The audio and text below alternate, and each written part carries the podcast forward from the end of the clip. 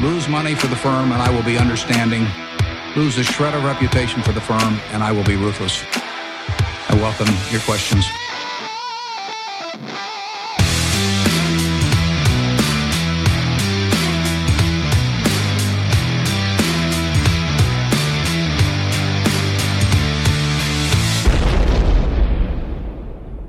Välkomna till Kvalitetsaktiepodden. Det är jag som är Ola. Ja, och det är jag som är Klas. Det här är avsnitt nummer 61 som spelas in torsdag den 20 februari. Mhm. Eh, ja, dagens avsnitt har vi döpt till Rokad i portföljen. Ja, Ja, och det här är ju då dels som en hyllning till Historiepodden, våran gemensamma favoritpodd. Och deras nyligen släppta avsnitt om schackspelets historia.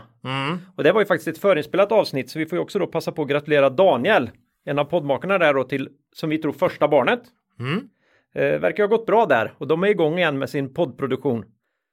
oerhört Så, produktiva. ja, både barn och poddar. Jättebra då. Ja. Eh, dels då så skulle ju det här namnet ge oss en ursäkt att prata om den rokad vi själva gjort i portföljen senaste tiden.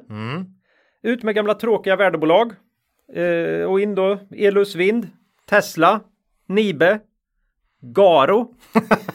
Eller eh, vad, vad har hänt i portföljen Ola? Nej, men vi har faktiskt eh, rumstrerat om en hel del i vår egen portfölj här. Har, vi har inte legat på, på latsidan i rapportperioden den här gången, så kan vi säga. Nej, det här är stora rörelser kan man väl säga. Ja, vi har gjort en hel del i vår egen portfölj. Våra buy and hold-portföljer är ju kon konstanta och jag har ju en buy and hold-portfölj privat t- som pensionsspar. Den rör jag aldrig, men i vår bolagsportfölj här har vi ändrat om en hel del faktiskt. Men just det här med Garo och Tesla, det är ju inte sant. Nej, det var inte sant. Nej, det var inte sant. Det var inte sant, Eh, vi, vi är fortfarande värdeinvesterare Okej, ja, till, till 100 procent. P40-80 sådär, det är fortfarande Ja, ESG-bubblan vill vi inte vara en, eh, vara en del av så att säga. Nej, Nej, och det är ju en, eh, det är ju, jag får den här 99 feelingen igen faktiskt när man kan rättfärdiga eller värderingar spelar ingen roll egentligen. Man, det är inte det som men är han går igenom alla spärrar nu på något sätt. Ja, ja. Nej, men så är det ju. Ja. Det är bara. eh, Topplocken lyfter här. Om vi tar Garo som exempel här, det är ju faktiskt. Eh, ja, de har ju en del som är just laddstolpar för elbilar. Och Mm. det har drivit upp det här, ja, liksom, vad ska man säga? Det är Ja, ju men en, sannolikt är alltså det här med el är ju en väldigt ny teknik. Mm. Troligen finns det ju ingen annan där ute som kommer kunna leverera laddstolpar till, till de här framtida elbilarna. Utan det- är det inte Garo så tror det är jag. hela världen. Jag De tror, kommer, de de, kommer jag, tror hela kan världen. sätta, jag tror de själva kan sätta priset på de här stolparna. Faktiskt. Ja, Det är nej. helt otroligt att sitta. Ja. Det är så inte unikt. ja, De är ju så sjukligt ounika i den delen och ändå så får du en ja. Nu hade de ju fått någon order här också Ja. såg jag av någon större, men men helt, helt utan konkurrens. för, Nej, för fem år sedan var Garo ett, en underleverantör till byggindustrin. Det Ja, det är de ju fortfarande Ja, det är de ju en stor del. Och vinsten gick ner i Q4, precis som det har gjort för många andra lite konjunkturkänsliga bolag. Mm. Det är inget konstigt med det, men, mång, men många av de här konjunkturkänsliga bolagen handlar till P12, 13, Garo till P40. Det är, och det är det som är den här ESG och på något sätt investeringar i bolag som ska hjälpa till att lösa världens miljöproblematik. Då kan du rättfärdiga vad som helst egentligen.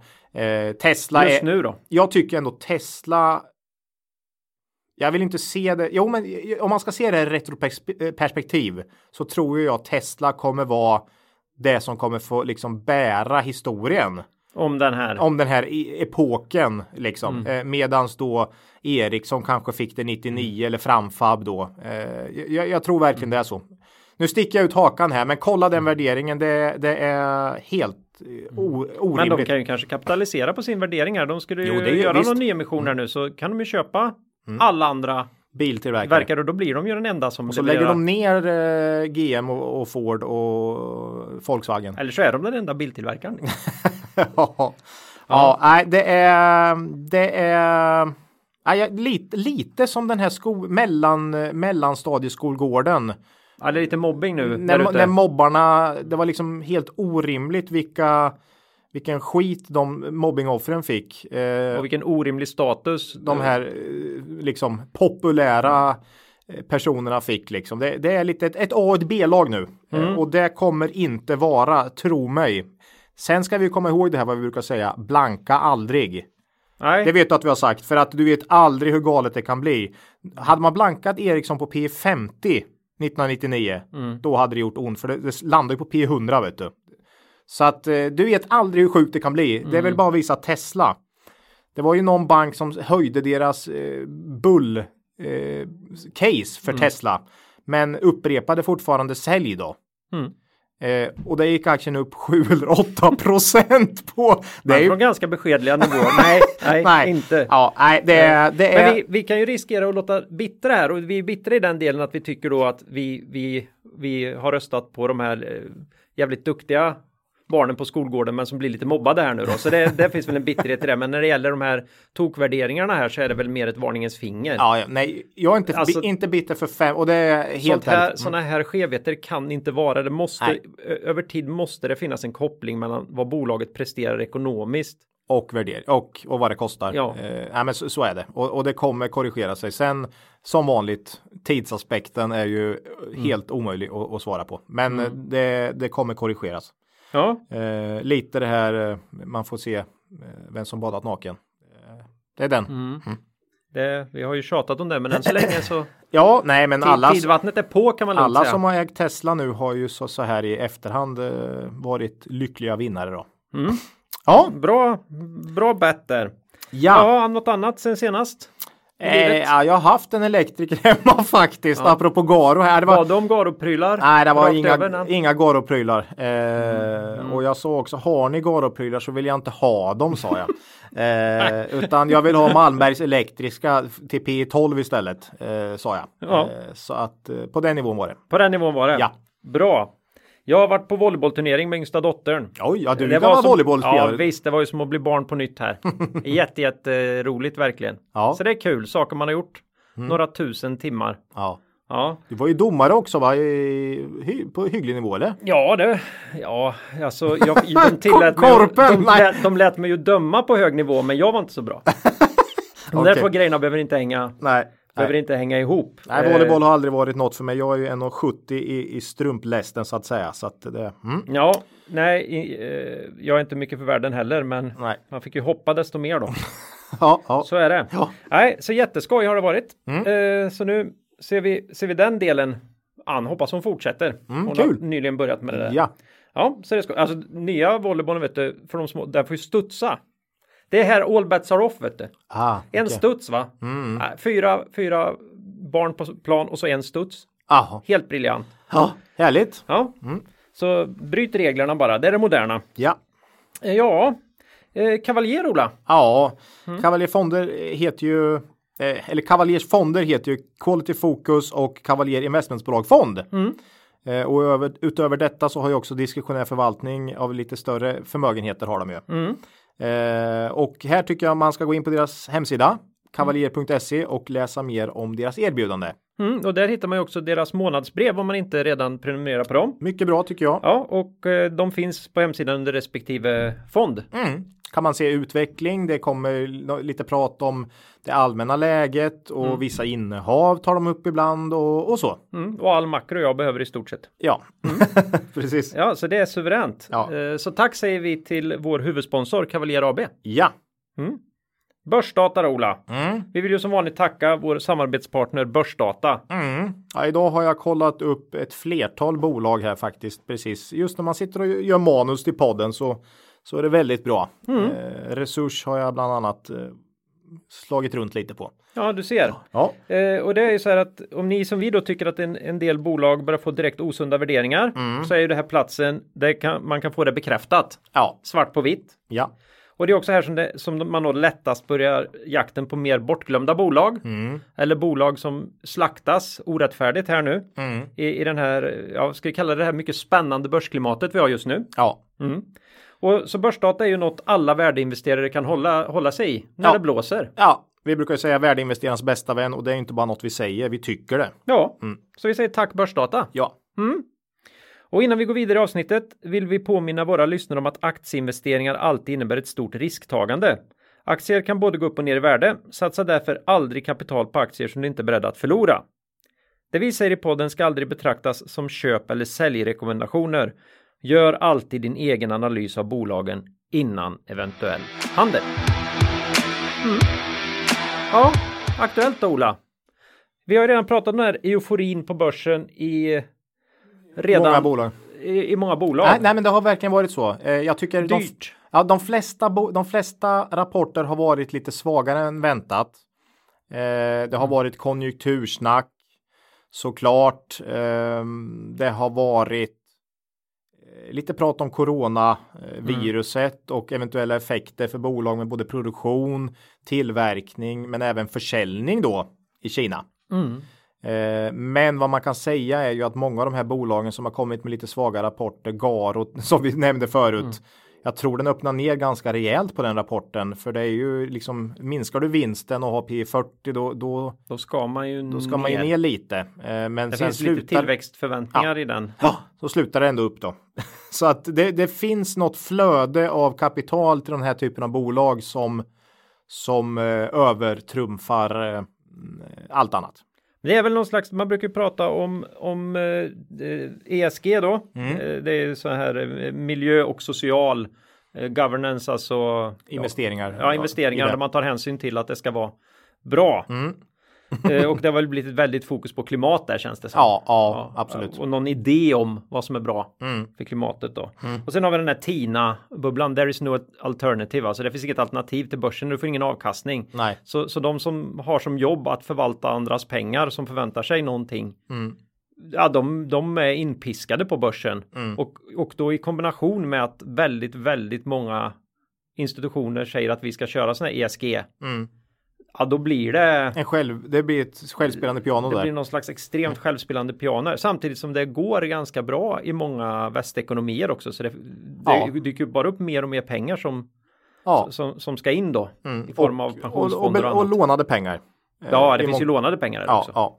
Ja, den är ju riktigt scary. De här som, de som hänger på i de här bubblorna. Mm. The only way is up. ja.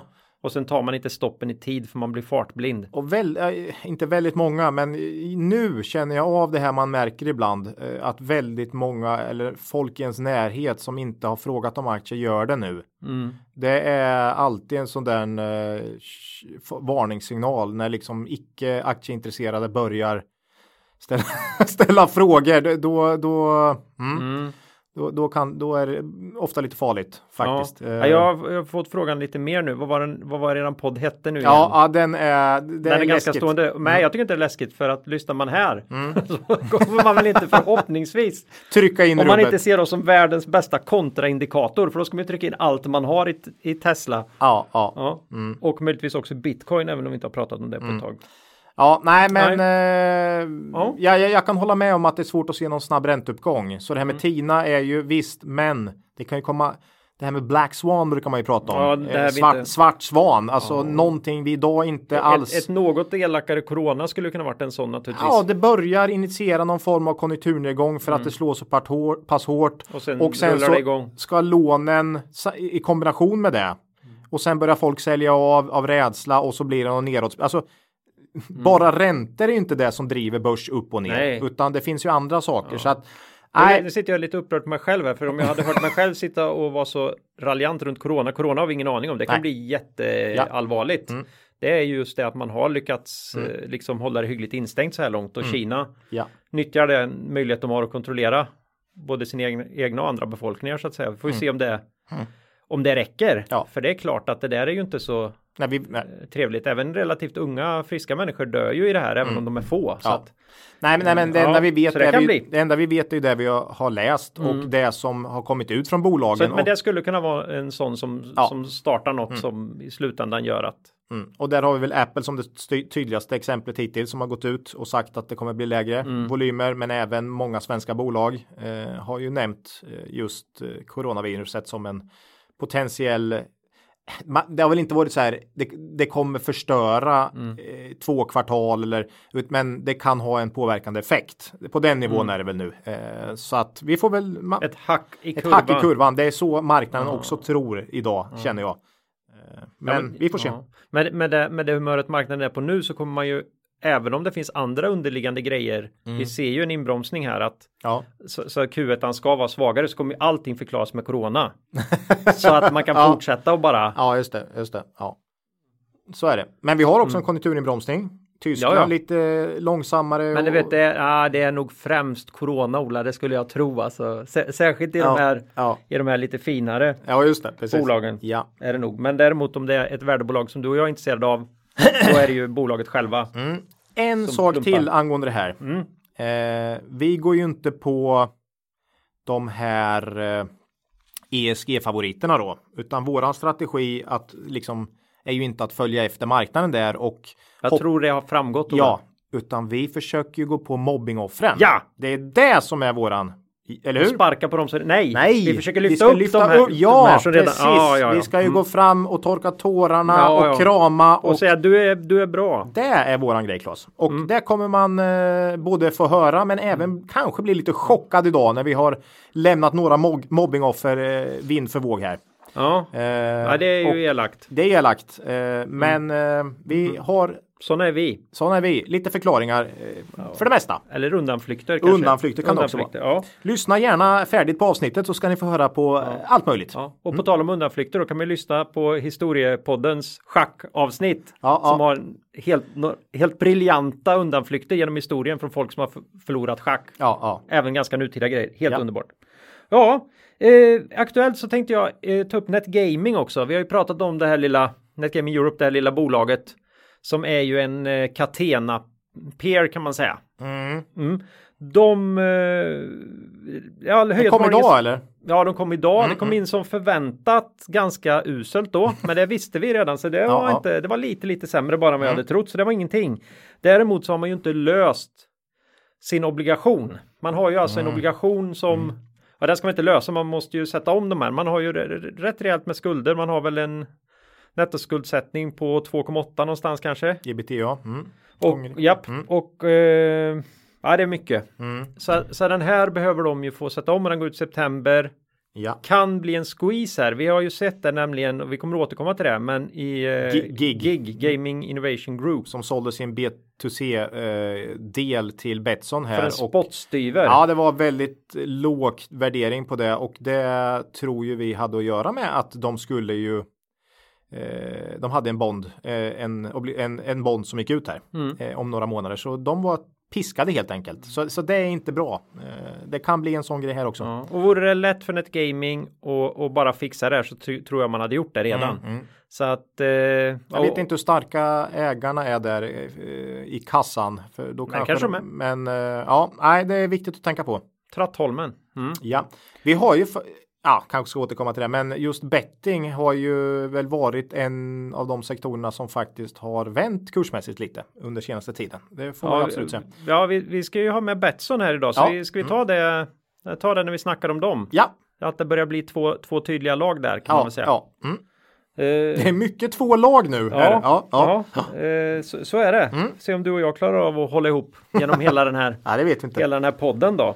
Nu kör vi. Nu kör vi! Bolag då! Mm. Eh, vi nöjer oss med åtta stycken idag för vi har handlat och grejat och lagt pannan i så djupa veck så vi har inte riktigt hunnit med att gå igenom så många bolag som vi brukar i rapporttider. Nej, jag har haft mycket annat också att styra med. Men vi hoppas det ska vara lite matnyttigt då. Ja, jag tror det är lite djupare snack än vad vi brukar faktiskt eh, i rapportperiod. Så att, mm. Så då börjar vi direkt. Vi går i bokstavsordning sedan ett tag tillbaka. Mm. Eh, det här är ju extremt bekant för våra lyssnare. AQ Group då. Ja, underleverantör med hög förädlingsgrad till globala industriella aktörer. Mm. Var ju med här nu då i avsnitt eh, 57 från den 26 december då vi åkte till Västerås mm. och intervjua vd. Eh, och AQ är ju med i våran buy and hold portfölj Ja, tillsammans med ett annat eh, sådär inom citationstecken i konjunkturkänsligt bolag VBG. Det är väl de två som har lite och mer. vi har det i våra pensionsportföljer. Ja, Ja. Ehm, och här bockar man väl av både konjunktur och coronavirus i vd-ordet. Eh, så Mm. Ja, att- rapporten kom inte in superstarkt här. Nej, om, omsättningen var väl ungefär som jag hade väntat då, plus 7% men det var faktiskt minus 6 organiskt. Så mycket är ju faktiskt Traf och Tech, det här förvärvet som bidrar eh, till omsättningen. Ebit plus 14 Mm. Eh, hör man på de siffrorna så kan man ju tycka att aktien skulle gå upp då. Men den är väl ner 10 här innan vi gick in i, eh, i, eh, i studion. Eh, och eh, det beror nog på dels den organiska minus 6 procent, mm. eh, men även ebit då som, oför, som egentligen var oförändrat om man korrigerar för lite engångskostnader förra året. Mm. Eh, jag tror marknaden hade hoppats på mer liksom. Man höjer dock utdelningen från 2,75 till 3,33. Ja, det är ju bra. Ja, och 3,33 skulle då spegla Ja, en kurs, kursen på AQs aktie vid den först, första nyemissionen tror jag. När de, nej, när de noterades så då ja. gjorde det som en 25 jubileum här. Ja, vad roligt. Det vill säga att du får utdelning samma som du köpte aktien för en gång i tiden. Så lite roligt. Ah. Ja, fyndigt. Ja. Det var ju jätteroligt. Ja. Ehm, nej, men AQ ser ju en avmattning här ehm, och det är ju många konjunkturkänsliga bolag som gör. VBG mm. har vi inte hunnit gå igenom här för den kom precis innan vi gick in i studion här. Ja, men jag såg att och då även var vi ändå sena in. Ja, jag mm. såg att även VBG hade minus 6 organiskt och eh, Ja, det, ja, är... det är ju en avmattning i konjunkturen. Ja, det har, det har varit och är en viss avmattning här mm. och många av de konjunkturkänsliga bolagen kommer ha det lite svårt och dessutom då en viss corona-oro på det här för AQ har ju väldigt stor andel av sin produktion i Kina mm. Eh, och de har inte riktigt kunnat gå på full kapacitet eh, nu då. Eh, och sen har vi den här osäkerheten hur hur mm. svårt blir hur stort blir det här? Mm. Eh, så att nej, men det är väl svårt att se någon vinstökning från AQ kommande två kvartal. Eh, utan eh, det blir nog med tanke på konjunktur och eh, eventuella effekter av coronaviruset lite, lite lägre vinst mm. i två kvartal. Ehm, och Nej, men jag tror väl kanske att inklusive förvärv så där så kan man nog landa på den här plus 7 i omsättning 2020. Mm. Som man ligger på nu och då är det ju minus organiskt men totalt plus då. Eh, och med någon eh, ungefär marginal som i år så blir det väl vinst per aktie på 15 kronor och man står i 200 DVP 13. Mm. Uh, ja, nej, det är inte särskilt dyrt för ett välskött bolag med fin historik här, både vad gäller omsättning och vinsttillväxt. Uh, och ja, vi har väl sagt att man ska köpa välskötta bolag, eh, konjunkturkänsliga sådana som AQ till exempel, just i lite sämre konjunktur. Mm eh, konjunktursituationer. För det är då man kan få dem till lite billigt pris. Marknaden orkar ju liksom inte riktigt med de här eh, skumpiga. Nej. Utan går vinsten ner så, ja förutom Igaro då och, och vissa andra. Ja, alla de allra största jättarna. Ja, och, äh, även många av de stora verkstadsbolagen har ju haft, det inte, har inte varit så här riktiga superrapporter utan Nej. Eh, ja, lite, lite svagare helt enkelt. AQ är ju inte någon katastrof här. Det är ju liksom ja, tuffar på hyggligt bra ändå. Men det är lite svagare, men de stora har faktiskt klarat det. Jag tror inte det är samma flöden riktigt som går till de här stora bolagen och ESG-bolagen som till AQ och VBG. Om... Nej, det känns som att marknaden är ganska uppdelad just nu. Ja, ja. Ehm... Ja, vi har faktiskt då. Eh... Lex Nilörn. Lex Nilörn, precis. Här sålde vi faktiskt före rapport. Ja. Eh, och Fegisar. Mm, och det var här under januari vi kände mm, uppe på 225-230 spänn och man såg vart det började komma vinstvarningar och lite konjunkturkänslighet och även surret om coronaviruset började eh, fluktuera då. Så vi sålde, vi sålde faktiskt före rapport i det här fallet. Eh, Ja, eh. inte minst hur orimligt straffade våran, våra typ. värdebolag har blivit ja, på, ja. på bara mm. Ja, på, på rapporter som kommer in helt rimligt utifrån hur, hur, lä, hur, ja, hur läget är. Och sen är det liksom mm. Så vi, det, här, här, har vi, vi här, här, har vi, här har vi spelat spelet. Ja. Helt enkelt och eh, mm, Bortförklaringar och ursäkter kommer det här nu bara ja, men det är Vi så. kommer definitivt hålla koll, eh, stenkoll på småverkstad ja. under våren. För det kan bli kanonköplägen här tror vi. Mm.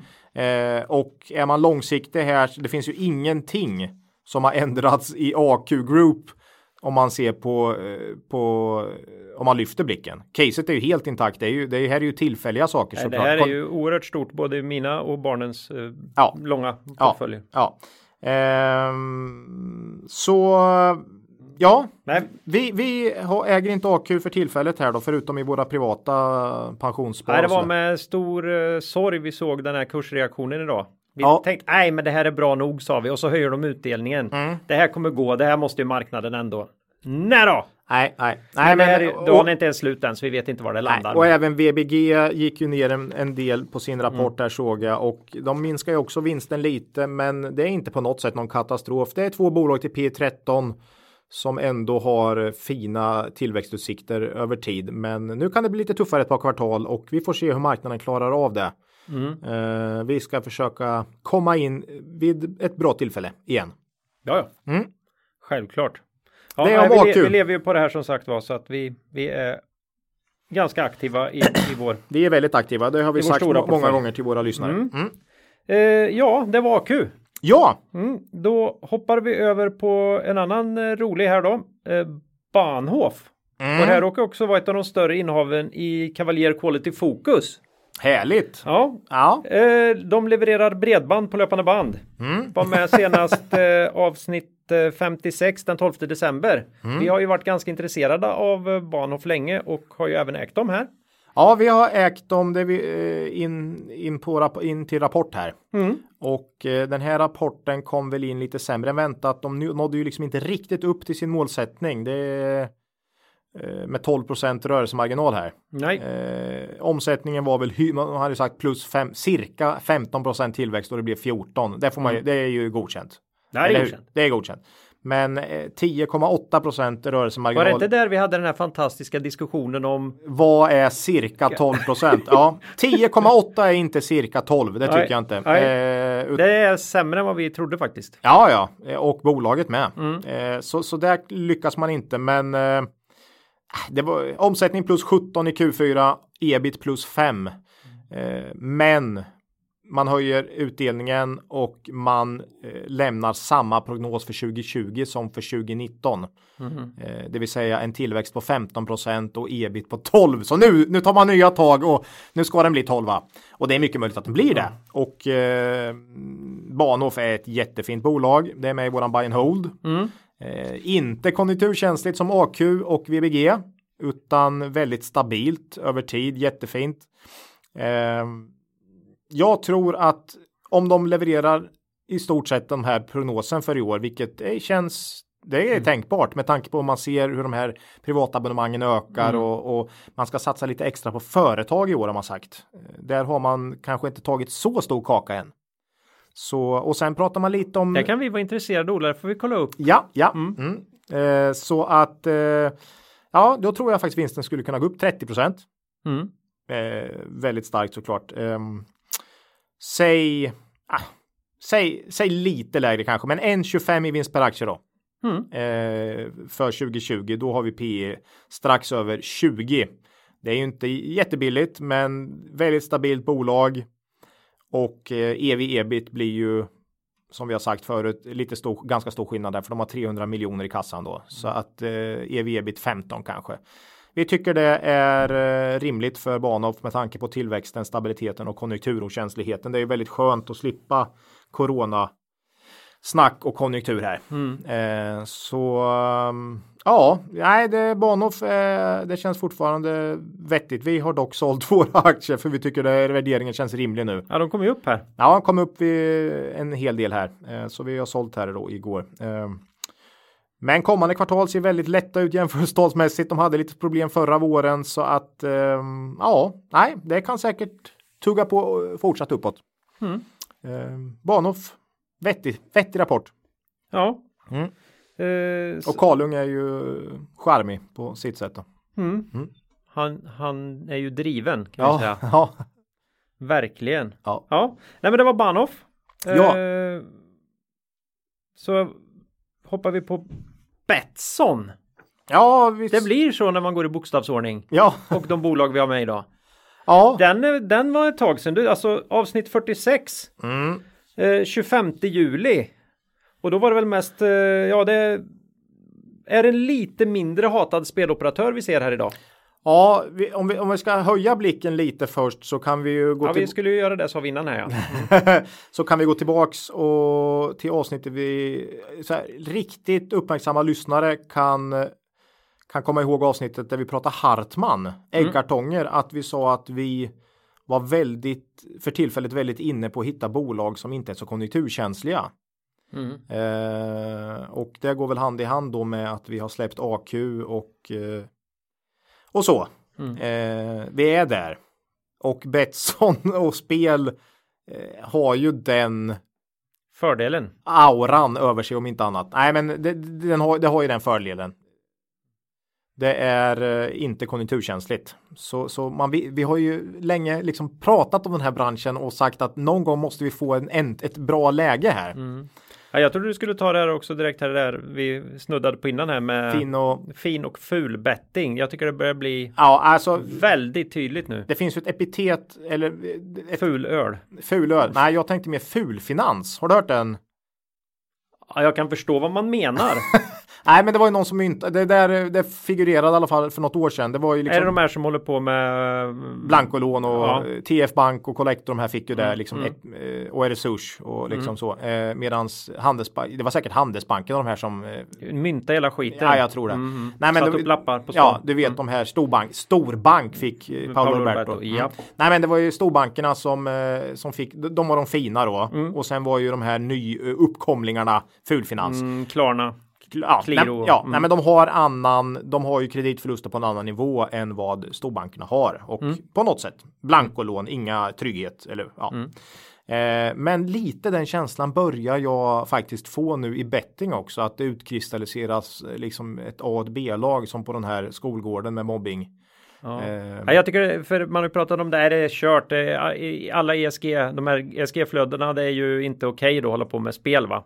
Nej. Det är inte socialt, det missar på S här då. Mm. Så eh, ja, det verkar ju inte ha drabbat Evolution Gaming direkt. så det verkar ju finnas några spänn Ja, ändå. ja. Så att det är klart det finns pengar där ute. Ja. Utan det är ju att man är ju jag förstår att det påverkar jättemycket, Mm. men det är klart att levererar man så kommer man ju få en rimlig upp, ja. värdering över tiden. Ja, ja, nej, men hade, hade, hade man sagt så här, nej, men betting går ner bara för ESG-flödena, inte, ja, men evolution, det, är liksom, det, det är ju, det, Mm. Det är ju inte räcker, så. det räcker ju med den för att ta bort det argumentet tycker jag.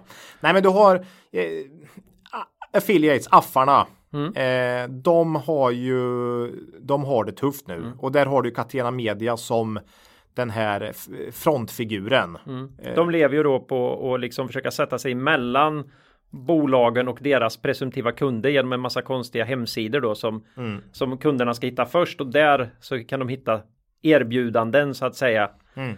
Eh, och de är ju jättefiffiga, de är ju duktiga på information och sådär på de där hemsidorna om ak- aktuella händelser, gärna runt sportspel och så. Mm. Och sen, och sen Där har, du- det, du säger något jäkligt bra där. Sätta sig emellan. Mm. Det känns lite som att vad tillför de? Det känns mer som att de snor kunden från sina kunder än för dem till dem på något sätt. För eh, olika sökord så ska det komma till dem istället för till, Ja, ja. till slutkunden. Mm. Medan då Evolution Gaming verkligen skapar någonting som, slutku- som Betsson och, och Kindred verkligen Ja, de är ju en underleverantör. leverantör. Mm. Exakt. Så, så att ja, nej, Catena Media, RakeTech, eh, NetGaming som vi hade upp lite här. eh, De har fått lite den den stämpeln nu. Mm. Ehm, sen har du operatörerna, där har du väl också st- små operatörer har det tufft. Mm. Medans stora, och då är det ju i Sverige framförallt Kindred och Betsson. Eventuellt Leo Vegas också då.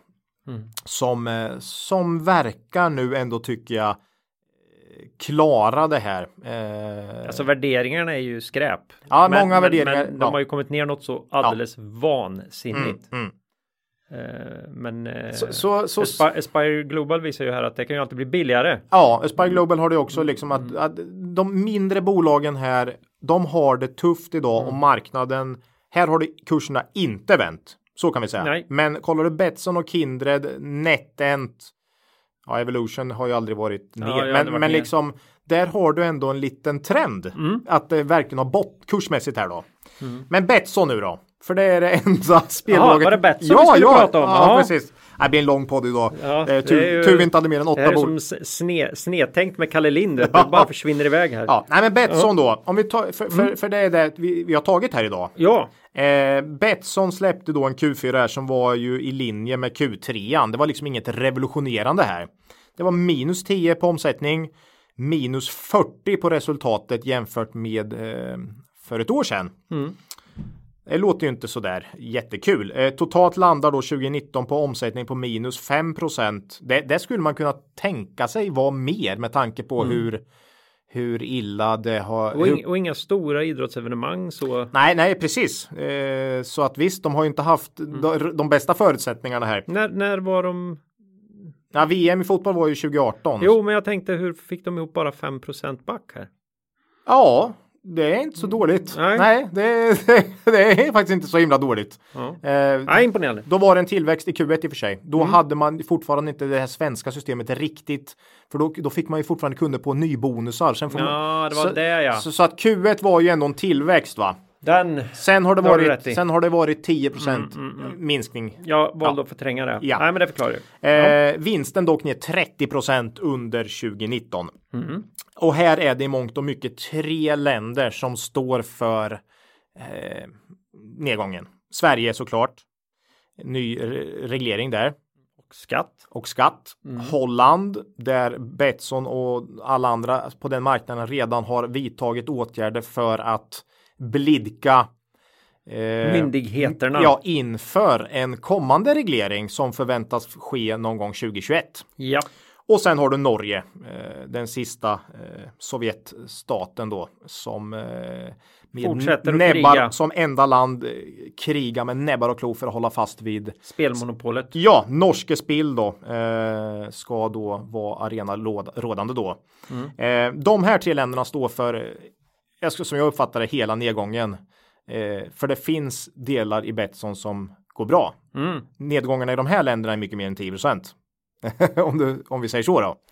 Ehm, för övriga geografiska marknader har vuxit eh, en hel del och det har geografiskt förändrats en hel del om man kollar för ett år sedan. Då var Norden 46, nästan hälften. Nu är det nere på 35.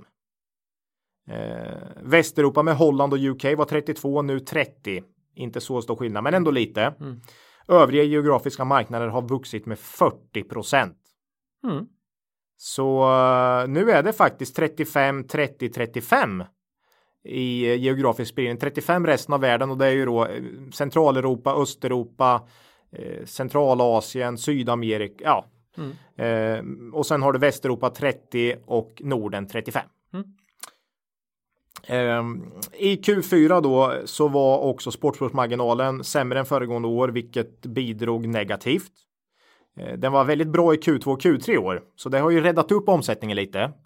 Ehm, men det tycker jag gör att underliggande var nog Q4 lite bättre ändå med tanke på att det där går ju upp och ner med marginalen. Dessutom som var väldigt viktigt här tror jag för att kursen liksom har vänt är att man berättar att Q1 har börjat med intäkter, intäkter på plus 6 jämfört med 2019. Och 2019 var ganska, det var ett bra kvartal som jag Ja, sa. det var inte så dåligt, Nej, nej. Eh, här säger man dock att det är mycket beroende på just sportsbook-marginalen. Så det finns ju en naturlig fluktuation inom spel där just eftersom spelbolagen tar ju, de vet ju inte när vinsterna kommer hos spelarna riktigt. Eh, men över tid så jämnar det ut sig liksom, eller ska i alla fall. Ehm, ja, eh, men i alla fall en vinstökning nu då. Det här är intressant med sportboken också i Betsson tycker jag, för det är ändå 25% av intäkterna. Jag har haft känslan historiskt att det har varit liksom min, klart mindre. Eh, Man fokuserar mycket på sportsboken nu och eh, eh, bruttoomsättningen i sportsboken, det vill säga hur mycket spel som görs växte med 15 i Q4. Sen att man fick kvar lite lite på grund av mycket vinster. Det är ju en annan sak va. Men eh, det, det är ett bra drag. Man köpte ett spel, sportsbettingbolag i Brasilien. Eh, och man har ju även sålt faktiskt sin eg, nu egenutvecklade spelplattform till eh, två andra leverantörer tror jag. Ja. Op- Operatörer. Så man har ju Man blivit har alltså inte sålt av en del av bolaget här Nej, utan, man, utan man har man- blivit eh, återförsäljare av en lösning Ja. för, för sportspel. Så man har, så man man är ganska stolt över den här lösningen. Så att, ja, intressant tycker jag. För du vet att sportsbetting har vi pratat om är eh, ses ju ofta som något finare än, än kasino då. Och det märker man också när... Och då är Betsson också business to business bolag här nu då. Ja. Det är ju viktigt för oss. Ja, det är det. Ja, precis. Det är det lilla. Eh, sen, sen ska man också veta att antalet aktiva kunder växte i Q4. Mm. Eh, det gjorde det inte i Q2 och Q3 så att eh, liksom Någonting. momentum har vänt lite här tycker jag. Mm. Eh, Betsson har ju också jämförelsevis med Kinner till exempel hållit upp en ganska vettig lönsamhet under 2019 Man har ju inte tagit kostnader i, i USA eh, som Kindred har gjort. Eh, man har ju dragit ner en hel del på eh, marknadsföring. Så, ja, det har inte varit mycket. Nej, 17 procent av omsättningen och där tror jag Leo Vegas ligger på 30, dubbla nästan, 34, mm. alltså. Eh, så att eh, ja, framåt då. Det är väl allt som vi brukar säga, det är alltid det som som. Eh, ja, det är ju framtiden det händer. Ja, ja. Först får man ju säga då att från och med nu så är ju förändringarna i Sverige med i jämförelsetalen. Det är ju väldigt viktigt. Mm. Q1 visst lite då att man fick bonusar och så, men för 2020 så är ju Sverige med den här regleringen. Eh, och Holland har man ju dragit ner så den har ju också viss, har ju fått en viss effekt under 2019 redan. Så det, den finns ju också med där, eh, en förändring redan. Eh, ja, sen har du en viktig faktor som hände dagen efter rapport här. Man köpte då det här av GIG. Eh, hela deras B2C. Mm, det var det vi pratade om lite grann det här med squeeze. Ja, de var pressade, man fick gig alltså mm. eh, och Betsson köpte loss det där för en till synes väldigt låg eh, peng. Och här är det framförallt varumärket Risk eh, som är väldigt starkt tydligen. Eh, och det här kommer ju bidra 15 tillväxt pro forma mm. om nu de olika delarna håller som de har gjort. Eh, och som lök på laxen har du dessutom fotbolls-EM och OS. Det är ju ett rejält sportår här i år. Så är det mycket som framåt nu kanske kan förklara den här kursuppgången också, att marknaden tror på att det värsta kanske har varit helt enkelt. Um, det största orosmålet är nog fortfarande Holland här och det tror jag det kan eventuellt komma tillbaks den mm. oron. Mm. För det är en stor marknad för Betsson. Eh, jag vet inte exakt hur stor, men kanske 10% av omsättningen, 20% av resultatet. Vissa har sagt 30, 30, 35% av resultatet, men det tror jag var då före den här senaste årets eh, neddragning i landet. Mm. Det måste ha hämmat både omsättning och resultat då. Eh, ja. Nej, men det är fortsatt negativa nyheter i, i, i, branschen. Det kom väl också ungefär samtidigt då det här att man går vidare i England med att titta på mm. att begränsa insatserna på kasinospel online. Ja, ja. Så det... Som man har gjort mm. eh, landbaserat då. Eh, nya länder som mm. helt plötsligt, det kan ju blomma upp ett nytt land som ja. säger att nu jäklar ska vi eh, reglera eller vi ska ta i med hårdhandskarna. Mm. Så att det, sånt flöde kan absolut komma. Det som, är, det som blir intressant är ju när Ja, om, om någonsin att, att man då börjar lyssna på in, inte på bolagen själva utan, utan på experterna som förklarar det här att om ni, om ni skruvar åt för hårt där så finns det ju en svart marknad. Ja.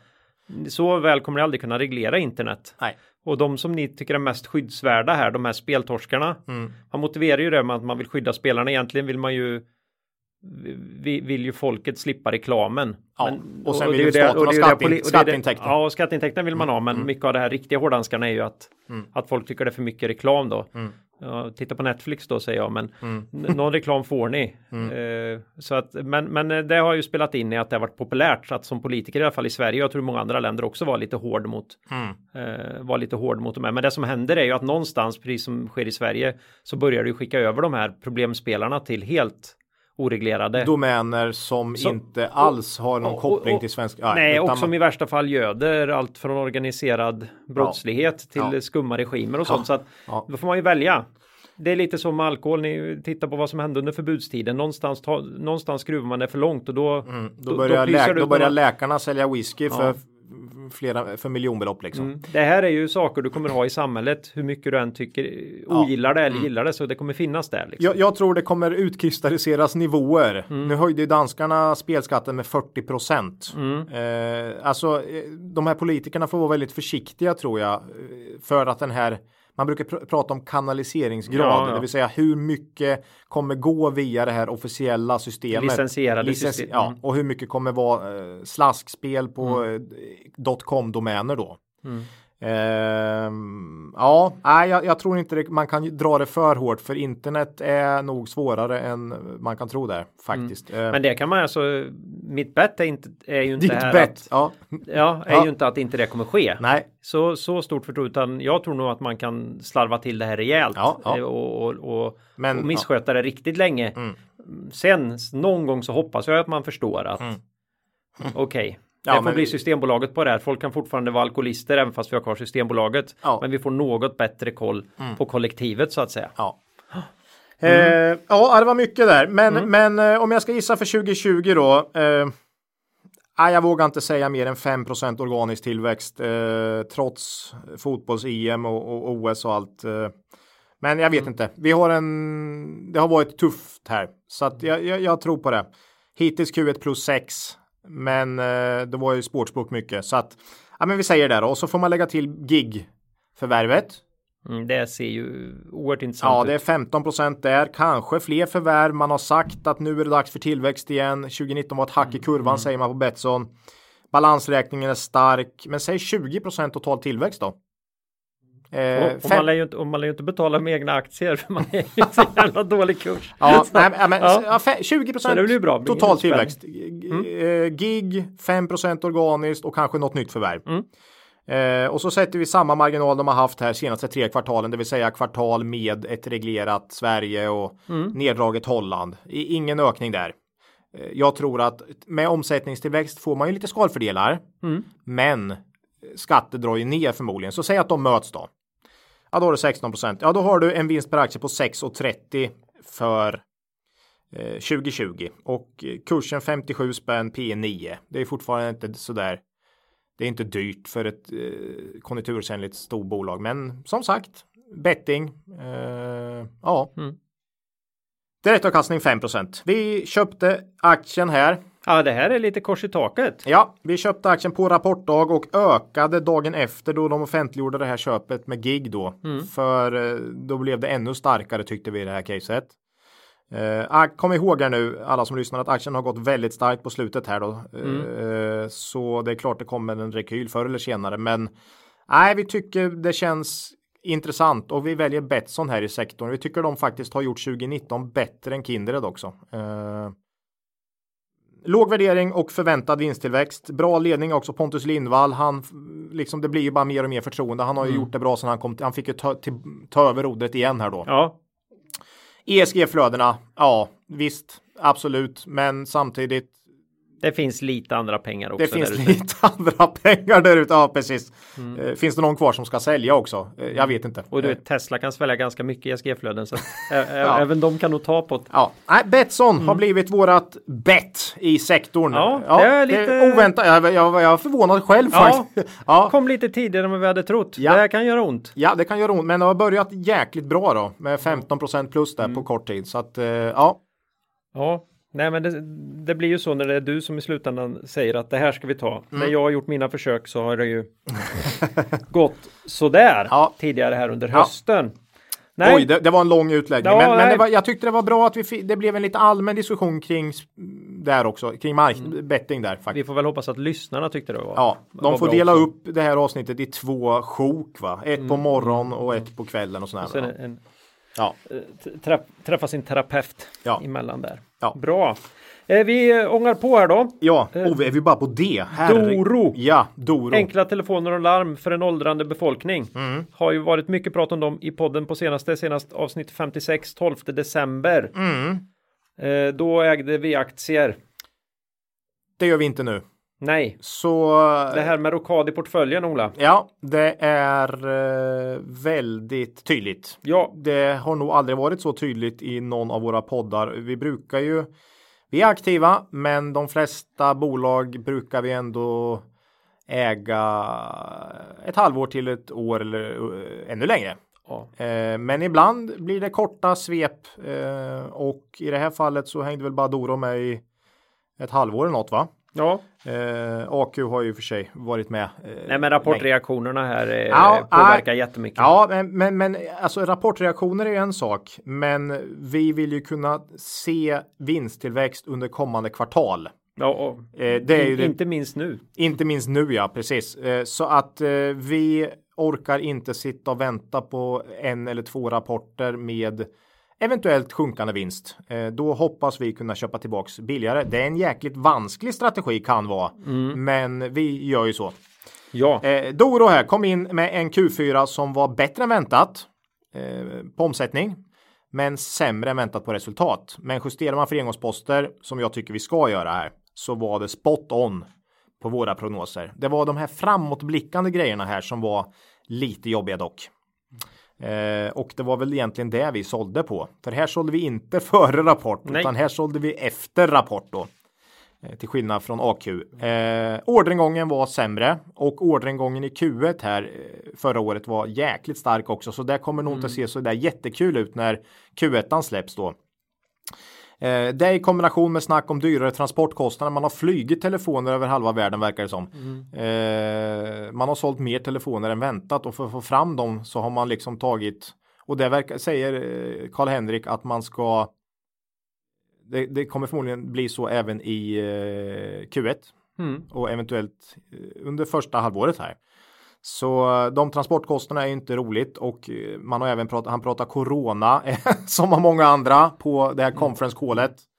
Eh, Apple har ju redan vinstvarnat för sina telefoner. Eh, Ja, det kan väl bli så. Så vi har sänkt våra förväntningar på första halvåret här. Och det är mot den bakgrunden som vi har lämnat Doro för tillfället.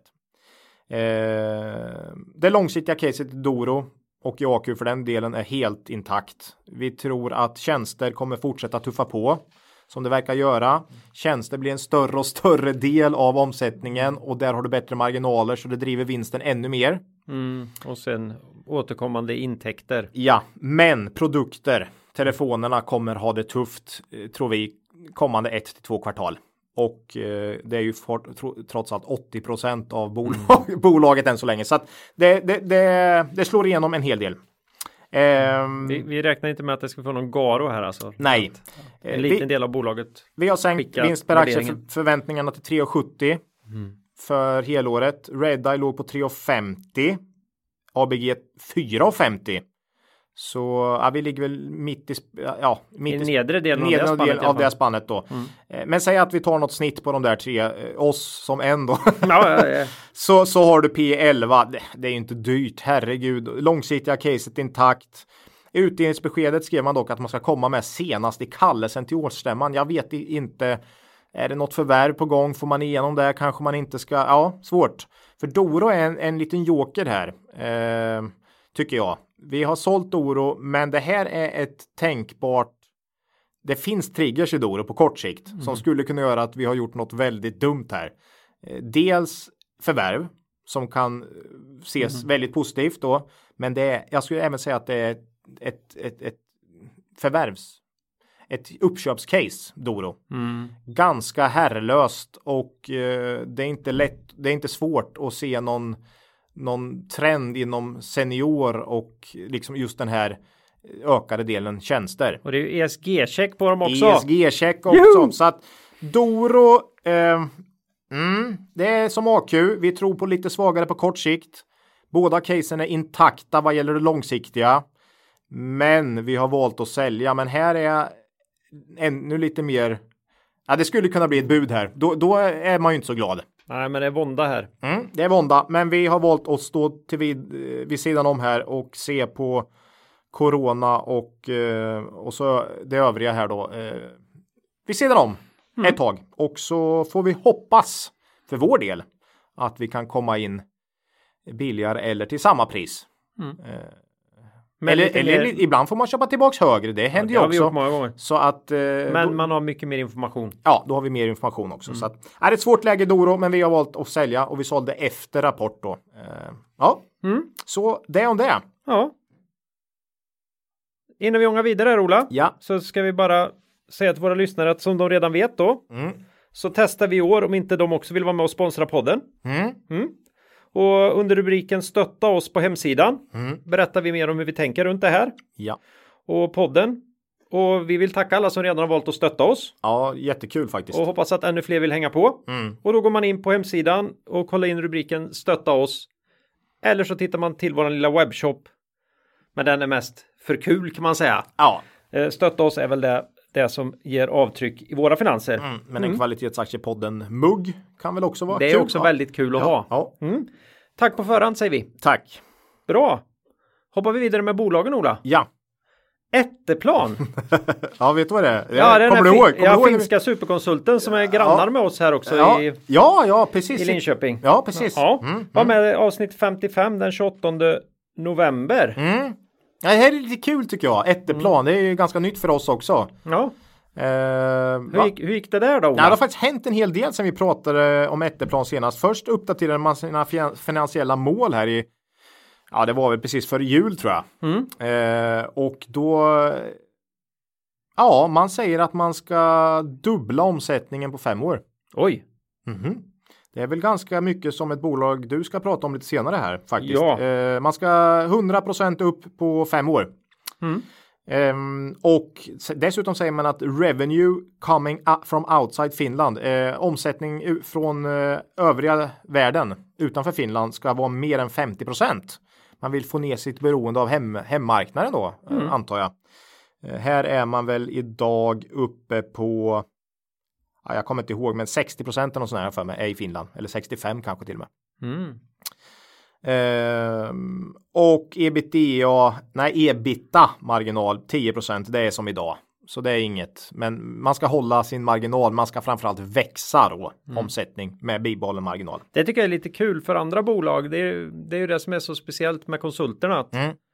eh, i, an, I andra sammanhang så är det ju ofta så att du, du får ju bättre marginal om du växer. De sista du tjänar de sista kronorna lite lättare så att säga. Mm. Överbygget är, är samma men hos en Mm. hos de här så nej, det blir bara nya kostnader hela tiden för varje krona de ska tjäna här så att ja. det, Du det får målet är att behålla. Behålla marginalen. De behöver fortfarande bara en vd men det är väl ungefär det liksom. ja, ja. Mm. Nej, så är det ju. Så att marginalen tror de, behåll den. Så Mm. är det bra. Ja, Eh, Q4 kom ju sen då. Och den var väl lite svagare än förväntningarna. Och här är väl också konjunktur man säger. En inbromsning i Finland och man ser, ja, och aktien tappar 10% här. Eh, många av de bolag vi följer och vi är intresserade av kom med lite svagare rapporter. Vilket många, det är inte konstigt med tanke på konjunkturinbromsning och sådär. Men nästan alla har tappat 10% Men Konsult- börsen är ju upp 10 nästan. ja. Så att det, det, pengarna har inte gått till små värdebolag. nej, Så kan vi säga. nej, det gör ont här istället. Ja, men det gäller ju att hitta de här mobbingoffren som inte ska mobbas då. Mm. Vem fanken ska mobbas säger ju folk då. Ja, nej, på aktiemarknaden är det faktiskt vissa bolag som ska få stryk. Ja. Som har problem. Riktiga problem. Men eh, vissa blir ju mobbade oförtjänt då. Och vi är ju en del av det. Eh, Man måste spela det där spelet och vi försöker i alla fall göra det. Men eh, vi vill ju hitta de här som blir misshandlade trots att de inte ska bli det va. Mm. Eh, så det är där, därför vi måste gå igenom alla de här bolagen för att se om det finns något som, som, som är oförtjänt nedtryckt. Ja. Liksom. Eh, Och ja. Ätteplan då? Ja, ehm, man är inte särskilt munter här. Vi brukar ju säga att för att vi ska eh, med våran strategi eh, köpa en aktie så ska, vi, ska det vara lågt värderat och vi ska se en vinsttillväxt framåt. Mm. Eh, och ehm, omsättningen i Q4 steg med 14% förvärvad i stort sett rubbet. Ebit minus 3 och det var framförallt marginalerna där som stack ut då negativt. Framåt är man inte jättemunter. Man säger eh, 2020 got off to a slow start in Finland. Man har, man har problem. Labourmarknaden, alltså jobbmarknaden, är tuff. Jag tror man har svårt att få personal samtidigt så konjunkturen bromsar in. Konstigt läge, så är det. Eh, man pratar coronavirus. Nej, Jo, jo, jo. In China, the coronavirus is influencing the market situation and increasing the uncertainty of the global market outlook. Eh, så att man är lite försiktig, men finansiella prognosen tycker jag ändå är helt okej. Eh, de förväntar sig eh, att klart öka omsättningen under 2020. Mm. Eh, och den eh, ebit då ska vara på samma nivå eller lite bättre eller bättre än 2019. Så att man är hyggligt optimistisk där ändå tycker jag. Eh, men det måste är man... det här lite kluvet? Jo, man säger det är tufft, svag start, men vi tror eh, de tror att det ska komma igång senare under året. Och Rejält då också? Ja, så är det. Mm. Ja. Eh, så eh, ja, jag vet inte vad jag ska tro. Jag, jag känner väl att jag vågade utifrån det där sätta oförändrad vinst då. Ja, Ja, vad trodde du om det? Ja. Valet i Chad på den. Ja. Ja. Det blir som förväntat. P14. ungefär. Ja, Eh, man höjer utdelningen också eh, starkt, bra. Eh, 3,50 i direktavkastning. Balansräkningen är OK tycker jag. Eh, men jag tycker det här är intressant, framför allt som någon form av relativ värderingscase eh, med OF och Sweco. Men du vet, vad, vad, vad tycker vi om relativvärderingar egentligen, Claes? ja, de säger ju inte så himla mycket. Nej, framförallt den här med grisen och, och, och kon, va? Det, det är lite så. Alla kan vara lite väl dyra. Ja, så, så det är liksom, det säger kanske inte så mycket, men, men om man ska göra en relativvärdering, eh, om, om man säger så här då, P14 är fullt rimligt. Ja, Ja, men för att liksom särskilt om de kommer göra, lyckas med sin tillväxtresa. Då är det mer än rimligt. ja, då är, det, då är det jäkligt bra. Ja, men då, Lite rimligt. Ja, då är P14 he- jäkligt bra. Men för att få det här att se ännu bättre ut, som, alltså om man vill som investerare försöka spä på här, eh, så kan man ju säga att de har samma omsättningstillväxt och liksom snabba vinst, vinst eller bättre vinsttillväxt än OF och Sweco senaste fem åren. Eh, OF och Sweco handlas det P över 20. Mm. Eh, här har du P14. Vi tycker inte över P20 för de här konsulterna är rimligt. Men om man nu vill ställa det i någon form så är det ju. Ja, då är Etteplan eh, bättre. Så måste du ändå ha en teknikkonsult. Köp Etteplan säger vi då. vi äger inga aktier här. Mm, Och vi, Eh, vi säger som Svullo, finnarna är alltid trevliga. ja. Det, Ja, nej, vi man äger, inte glömma heller. Vi äger inga aktier i Etteplan, men eh, det är ett bolag som vi börjar börjar känna värme inför. känna värme inför. Ja, precis Mm. så kan vi säga. Där kan det hända saker. Nu har vi tre bolag kvar, Ja, va? och eh, vi är över timmen redan Ola, så Ja, att det är nej, det bara blir att ösa, ösa på. Ja, Här kommer ett bolag som vi sa senast att vi får se om vi tar upp dem någon mer gång. Mm. Och Nej. omedelbart så går vi, går vi tillbaka. Resurs. Finansieringslösningar för retail och konsument då. Eh, ordentligt tog vi dem i avsnitt 41 från 2 maj senast. Oj, det är så pass. Ja, eh, vi har haft upp dem i andra diskussioner. Eh, ja, resurs Ola. Eh, Nej, vi fortsätter ju Vi slå, kan ju vi det fortsätter ju slå kring den här busken. Jag, jag det vet ser inte. ju så billigt ut. Nej, alltså vi har ju försökt i flera år motivera oss själva att köpa res Resursbank. Men, Går men, inte. men vi har ju aldrig kommit till skott här. Ja. Ja, vi hade ju snackat om fin och ful finans här och Mm. ja, jag vet jag vet inte, nu dök det upp igen. Jättebra lång, vi har ju hyllat Dagens Industri här i flera poddar just för de här eh, Långa intervjuerna. ja, gör. intressanta vd-intervjuerna. Jag tycker det är jäkligt eh, bra grejer. Gillar det. Mm. Eh, och nu var det ju Resurs vd här då som, eh, som intervjuades. Och det var en ganska rejäl intervju och eh, han fick ju också frågan om det här kollektor och eh, hur de klumpas ihop. Mm. Fulfinans nämnde ju inte den här artikeln. Men, men, men, eh, men eh, han, han fick den frågan. Branschkollegorna. Ja. Eh, ja, just det. Han sa så här. Utöver de, de- den som alltid är, är viktigaste frågan att säkerställa långsiktigt lönsam tillväxt med ett, kund, ett bra kunderbjudande är det att få investerare att se resurs som det bolag det verkligen är och sluta med den så kallade sektorn. Det är väl att han inte kände att han ville bli ihopklumpad här. Han, han ville väl via något annat. Mm. Men är då, är då eh, resurs eh, för finans vad Swedol var för bygg, Ola? är det så? Eh, Det vet ja, ju inte vi. Man vill ju gärna tro det. Man vill jag. tro det. Ja, man vill tro det. För att det här har funnits sedan 77. Det är ingen ett nytt påfund eh, som ska utnyttja det låga ränteläget här. Utan här har du ju haft eh, räntor på 15 procent och, och massor Mm. under deras Och rejäla svängningar. rejäla svängningar. Så man vill ju tro det. Eh, men går man in och kollar här så har du ändå konsumentlån, det vill säga blanko då, på hälften. Mm. Så hälften är, men, men de säger också här, själva i alla fall, det har jag inget belägg för, men att de är, de, de tar mindre risker än konkurrenter. De tar ju mer risker än storbankerna. Storbankerna har ju mycket lägre kreditförluster över tid.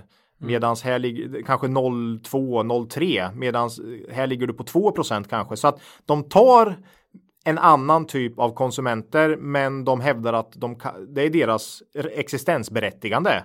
Alltså hade de gjort samma som banker hade de ju inte gjort någon skillnad liksom. Men hälften är consumer loans ungefär. Resten är payment solutions. Det är ju, ska man säga, kopplingar till produktköp. Eh, om du går till Elgiganten och köper en tv och så så kan du teckna Dela upp på, det på sex månader. Ja. Då har de en färdig lösning där med resurs. Ja, precis. Och dessutom har de solid försäkring så du också kan teckna en försäkring på Elgiganten då Ja. eh, för den här tvn för saker som inte din hemförsäkring täcker eller saker som din hemförsäkring täcker, men du försäkrar ändå. Ja, ja, ja, precis. Mm. Det, nu, ja, raljerar lite, men, men Ja. lite så. Eh, nej, men så, så man kan väl säga så här, 50% är nog det här ful finansbenet då som man brukar säga men, och resten är väl något lite eh, något annat faktiskt. Mm. Eh, men om man nu kan också tro på att de här 50 procenten som är rena blankolån mer eller mindre eller det är ju blankolån Är av en högre kvalitet. är en högre kvalitet. Mm. Då, skulle, då är ju det här kanske, de blir lite felaktigt klumpade här va. Kollar man kreditförlusterna genom alla år så ligger de mellan 1 och 3 procent. Eh, nu ligger man på 2, eh, dry, 2 till 3 procent. Eh, det är egentligen bara 2010 som det stack iväg lite och man hävdar att det är en effekt på något år efter en, en tuff tid. Du vet vad som hände 28-29 med Lehman Brothers kollapsen och det här. Då såg man att de här kreditförlusterna stack iväg. Under några månader hade man ganska tunga. Och kollar man vinsten i resurs 2010 så halverades den. Så att det är just det här som är problematiken i de här bolagen. För resurs, resurs in, kanske inte fullt ut, men det blir oerhört genomslag när, när kreditförlusterna ökar. Ja, Mm. Och, och det är ju den stora svårigheten här tycker jag. Just kreditförlusterna och att det raderar ut vinsten så pass fort då. Eh, när det sker. Nu har det hänt en gång på de sista tio åren, men det händer ibland. Ja, men sen kommer de ju tillbaka väldigt snabbt. Sen kom de tillbaka väldigt fort liksom. Eh, men Men då är det bara att snitta ner sig under tiden det är jobbigt vet du. Ja, När, ja. nej men som långsiktigt bett alltså. Eh, Men marginalen på 35% blev ju 20 Mm. och sen blev den 28 och sen 33 igen va? ja, det tar ju en stund. Ja, men ändå. Liksom, ja, nej, men det är just det här. Sen har du det här. Det finns ju någon liten. Norge har ju börjat med det här gäldsregistret som jag tycker är någon, någon, någon form av spelpaus för för, för de här låntors, låntorskarna va? Ja, det är ju det är någon slags regleringsförsök från, från staten ändå på något sätt här för att se till att folk inte kan ta obegränsat med, Ja. med hamna i skuld i lyxfällan alltså helt enkelt. Just det. Eh, och, och ibland när man ser reklam, inte från Resurs då kanske, men, men från vissa av de här aktörerna, eh, Bluestep och jag vet inte allt de heter, så känns det ju låna 100 spänn så får du. Det, det är nästan det här kasino. Ja, ja. Eh, Det är samma marknadsföring. Nej, det är väl det här, eh, skaffa vårat kort Mm. där de vill att du ska åka dit på använda krediten så får du 100 spänn, spänn insats, eller 500 spänn. Äh, det, det är nästan, det är liksom. Ja, ja. ja.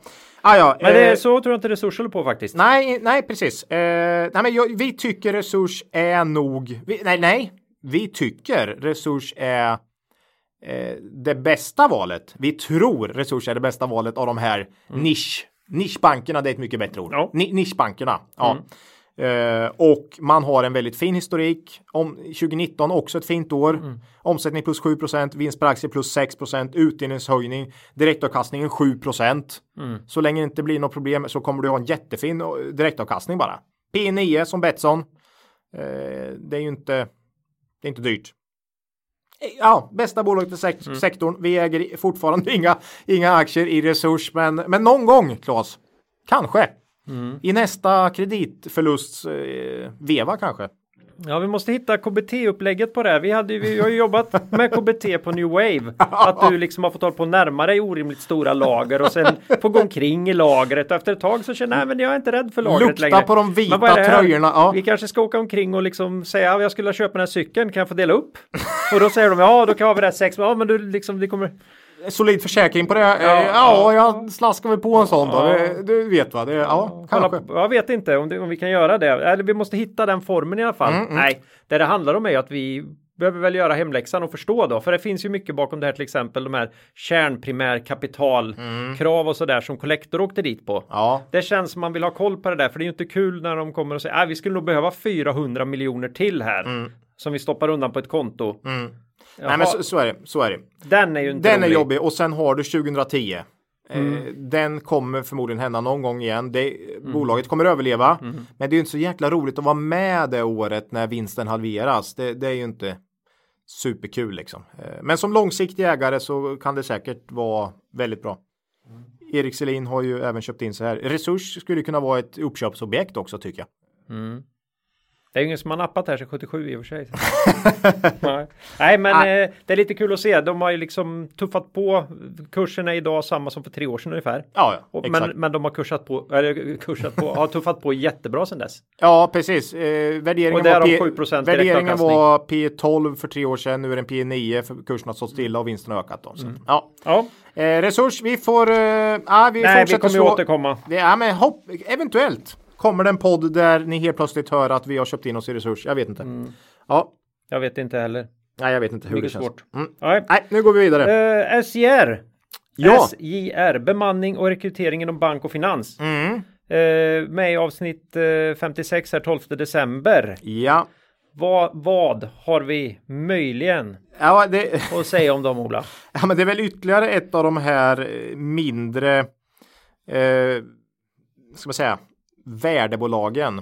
Även det här med vår buy and hold. Ja, Så vår buy and hold har ju inte fått en bra start den här gången. nej, Eh, utan den, i år har det ju Mm. fått en tuff start. Så i år är det väl det här att man får, då får man istället köra på den här 15 år sedan. Eller, nej det är därför jag brukar skjuta in den här när du utvärderar på ett år här och Mm. säger att titta vad bra det gick. Då säger jag får vi se hur det ser ut nästa, Nästa år. år. Ja, ja. Nej men året är inte slut. Nej, nej, tio, nej, nej, nej, tio månader. nej, och 18 tio år är definitivt inte slut. Nej, här, tio månader är kvar också så att Mm. vi, vi får se. SJR eh, Q4 omsättning plus 7% var väl ganska spot on vad jag hade väntat. ABG hade också Mm. där. Ebit justerat för kostnader och en- engångskaraktär ökar med 30% Det var bättre än vad jag hade väntat. Ja, något bättre än vad jag hade väntat och bättre än vad ABG hade Mm. väntat. Eh, man ska dock komma ihåg här också tycker jag att Q4 i, o- eh, 2019 var ju inte jättekul för de som säljer timmar här med Nej, långa ledigheter så att jag tycker det var, det var starkt. Eh, men engångsposter drog ner eh, en hel del. Så vinst per aktie sjönk då eh, om man kollar på sista raden. Omsättningen under andra halvåret 2019 ökar med 9 Eh, och det har varit ganska tuffa marknadsförutsättningar där så jag tycker det är relativt bra. Man förvärvar det här VES. WES. Så jag, Women's Executive Executive Search. Search. Ja, så min känsla är att organiskt har det stått stilla ungefär. Eh, Men eh, man har vuxit med det förvärvet och man säger att det har gått bra. Mm. Det var deras första förvärv så det är lite kul att se om de om de kan lyckas med de här grejerna. För det vet man ju inte om ett bolag Nej, det är tydligt nytt Indutrade fast inom, eh, inom rekrytering då. Ja, ja, Mm. ja. Ehm, nej, men eh, andra halvåret då omsättningstillväxt 9% ebit-marginalen korrigerat för de här engångsposterna över 9% igen. Mm. Så man är tillbaks här tycker jag. Jag tycker SCR har vänt på steken. Det är min känsla. Du vet våren här var Ja. ingen höjdare. Eh, Nej, vi började ju tvivla. Ja, Q4 2018 till Q2 2019 var tre kvartal i rad som inte var bra. Nej, Punkt och vi slut. kände att ledningen inte riktigt guidade för det. Nej, man hade en marknad så här i efterhand så har, jag, har vi sett Almega siffror där deras del av marknaden sjönk med 4 i snitt under de här kvartalen. Så det har varit, jag tror de gasade lite in i en tuff tid. Så det blev liksom, det blev tufft helt enkelt. Sen hade de eh, SCR som gick svagt helt enkelt. Så att, är många saker, men jag tycker man har vänt på steken här. Det visar andra halvåret 2019. Eh, Man säger att man har effektiviserat verksamheten samtidigt som man har ökat försäljningsinsatserna. Och det är ju lite bra, det är ju snyggt gjort. Eh, orderingången säger man också är fortsatt god under inledningen av 2020. Så till skillnad då från Doro till exempel så eh, ger man ju ett, eh, ett litet, vad ska man säga, ett halmstrå här och greppa i, inför våren då. Mm. Eh, jag tror dock inte på någon större omsättningstillväxt 2020. Det är några procent kanske. Det är min tro. eh, man säger dock själv att under fjärde kvartalet har SCR öppnat ett nytt kontor i Uppsala, vilket kommer bidra med tillväxt för koncernen under 2020. Eh, för man har, bara, man har fyra städer idag då, Stockholm, Göteborg, Malmö och eh, Helsingborg. Eh, och så blir man ett fjärde i Uppsala, eh, femte i Uppsala. Så att visst, det kan driva lite, men eh, ja. Fokus har förutom ovanstående varit att öka andel kvalificerade uppdrag inom koncernen, vilket kommer vara fortsatt fokus under 2020. Så att man har nog känt att den vägen har varit rätt att gå på, på de här personerna. Eh, att ta en, en mer högre nisch här. Eh, eller vad ska man säga? Eh, ja. Mm. Undrar om det är om de är gynnade av den förändrade åldersstrukturen på något sätt. Alltså vi har ju haft en väldig omsättning på folk nu här. 40-talisterna har ju lämnat lite, Ja, sen, lite luckor efter sig här. Och, man var mycket mot finans, Mm. bank och så och det har nog varit lite tufft. Du vet fintech, man nedskalar i bank och Mm. ja, så. herregud. Ja, så Det är den har, ingen som går in och gör några affärer på banken längre. Nej, så, så där har man, men, man, men om man säger att man mer är ekonomer, eh, eh, ekonomichefer Mm. för, alltså att man eh, hyr ut sådana då eller rekryterar. Så har man ju en lite annan nisch och jag tror det har varit en viss sån omflyttning inom SCR också. Sen har man HR eh, och supply Mm. chain och lite andra bitar också som man har fått med här och IT. Mm. Så man har breddat sig lite och försökt höja kompetensgraden. Mm. Det är min På de man hyr ut. Ja. Eh, jag tror att man är tillbaka. Det är min känsla här. Så jag sa några procent, äntligen ett case som, som går åt rätt håll va? Ja, underbart. Ja, eh, några procent tillväxt 2020, marginaler som närmar sig historiska 8,5 säger vi, man har legat på 10 ungefär. 8,5 procent sä- säger jag. Eh, då kommer det bli en väldigt fin vinstökning under 2020. Ehm, ja, 2,70 vinst per aktie. P 11, 12, 11,8. Mm. Eh, såg igår att ABG uppdaterade sina prognoser och väldigt nära vad vi tro, tror på. Så det gör ju också att man känner sig lite extra eh, trygg då. Balansräkningen är urstark. Man har ju nettokassa här 25 miljoner. EV-ebit 9. Direktavkastning nu då 5 drygt. Mm. Och eh, man delar ut nästan hela vinsten alltid. Så tror vi på den här vinsttillväxten då som vi tror på så blir det ju nästan os- 8 för nästa år. Eh, Så att du har den direktavkastningen. Det är väl en, en, ett större bakslag i konjunkturen som kan eh, Ja. ställa till det här skulle jag säga. Ehm, vi äger aktier i SCR. Eh, ja, har köpt mer här senaste dagarna. Mm. Eh, nej, fortsatt intressant låg värdering och chans till fin vinsttillväxt under 2020.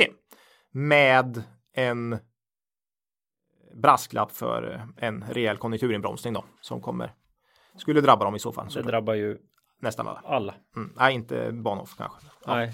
Eller Betsson då. Eller Betsson. Nej. Nej, nej. Men alla andra. Alla andra, ja. Och, eh, fast nej. Inte Garo heller. Nej, inte Garo. nej. nej. Men Eh, alla andra. Alla andra. Ja. Okej. Nu Claes, nu blir det Oj, ditt. ja det får vi se du. Sist ut här då. Ja. Kanske kan ta det här lite fort känner jag.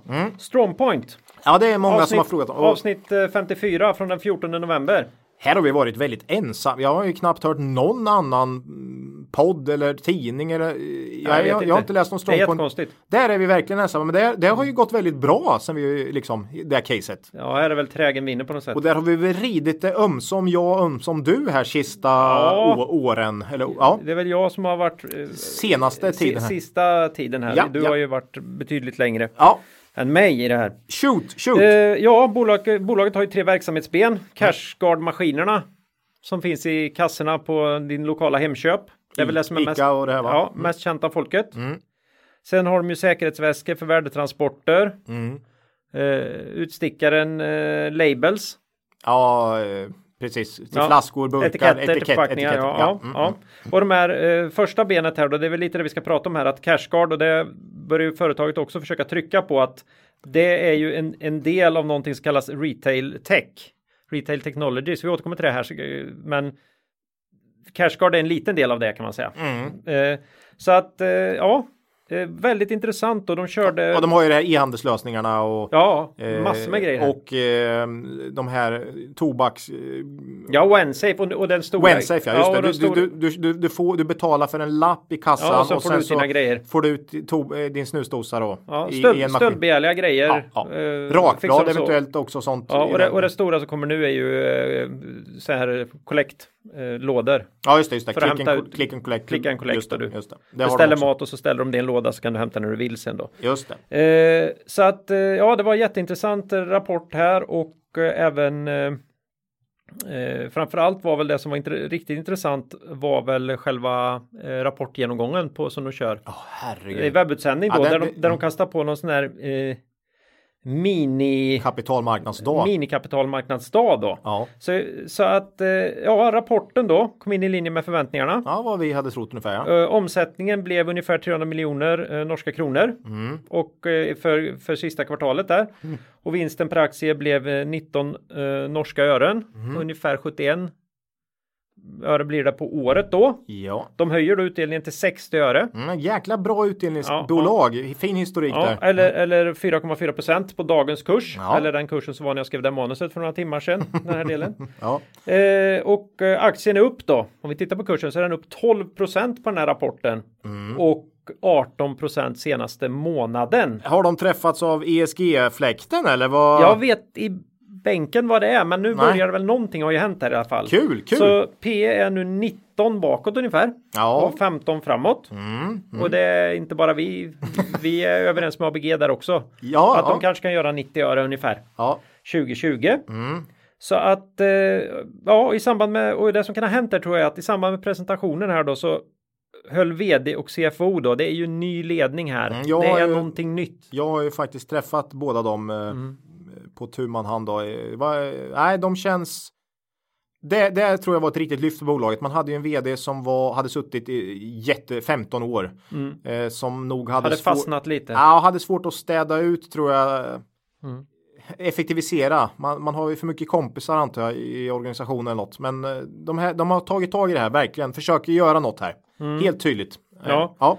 Ja. Eh, och de, de körde ju den här presentationen och eh, det var några grejer som kom fram där som var riktigt matnyttigt då. Mm, Så kan jag säga att de har ju också både vd och CFO har ju handlat eh, aktier själva här också. Ja, flera andra också så jag. Ja. De, det är något, Efter rapporten här. något sånt här in, program de är med i. De får någon form Mm. av rabatt på de här köpen också. Så att, ja. Så att, eh, men jag tror att de tror på det här på riktigt Ja, ja. då. Och det är två saker de kommer nu som var väldigt tydliga. Jag la ut länken till den här. För de pratar ju en och en halv timme eller något sånt där höll de på. Med den här mini. Okej. Jag hade ju missat att de skulle hålla på så länge. Kan jag säga. Det Du, gick, du, hade, den dagen du, gick ha- ju. du, hade, du hade bestämt, eh, du hade massa möten. Ja, så- jag hade lite annat kan man säga. Ja, men som- eh, jag, jag, jag, det var så pass intressant så jag blev sittande i alla fall första timmen. En och en halv kapitalmarknad. Ja, kul. ja. Mm. Så att det de gör framförallt då, de har ju kört det här, tre ben har de ju alltid pratat om innan. Cash security, eller de har de inte alltid pratat om för det började de med för bara några år sedan. Men det har alltid funnits i bakgrunden då. Det är det här Cash security och det är vä- alltså väskor för värdetransporter. Mm. Labels som är den här outliern, den här etikettdelen. Delen, ja. Som inte har någonting med de andra delarna att göra alls egentligen. Nej. Och sen då eh, Retail Technology som historiskt har varit Cash Management alltså och, och, flaggskeppet Cashguard. Mm, man tjänade ju också Och Vensafe. ja, och tjänade rejält med pengar då för några år sedan i samband med både Sverige och Norge bytte Sedlar ja. sedlar och mynt. Ja, just det. Det, var ju några riktigt bra år där kan man säga då. Det kommer ju igen så Ja. småningom. Men, Men nu är det ju nytt, ny ledning och lite ett nytt bolag. ja, jag tycker Ja. Man, man satsar tydligt på, Ja. eh, ja, Så det är tydligt eh, framåtblickande här. Viktiga grejer nu. Man har ju återförsäljare eh, till Pricer också som går riktigt bra. Just det. Så man har ju någonting som heter Ja, vad ska jag säga då? När man delar upp nu då i, istället Retail Technology i, i fem delar Okej. Som man nu tänker eh, ha med i rapporterna Ja. på omsättningsnivån. Ah. För att dela upp vinsten här blir, går nästan inte att göra. Det går att göra fortsatt i de här tre delarna. Men man tänker åtminstone vara transparent. Om man säger Mm, ökad transparens rakt igenom här bra. egentligen. Det gillar ju vi. vi jättemycket. Ja, ja. Och då ser man här att om, om då eh, Cash Security är 12% och Labels 15 så Mm. har ju resten varit det här Retail Technology.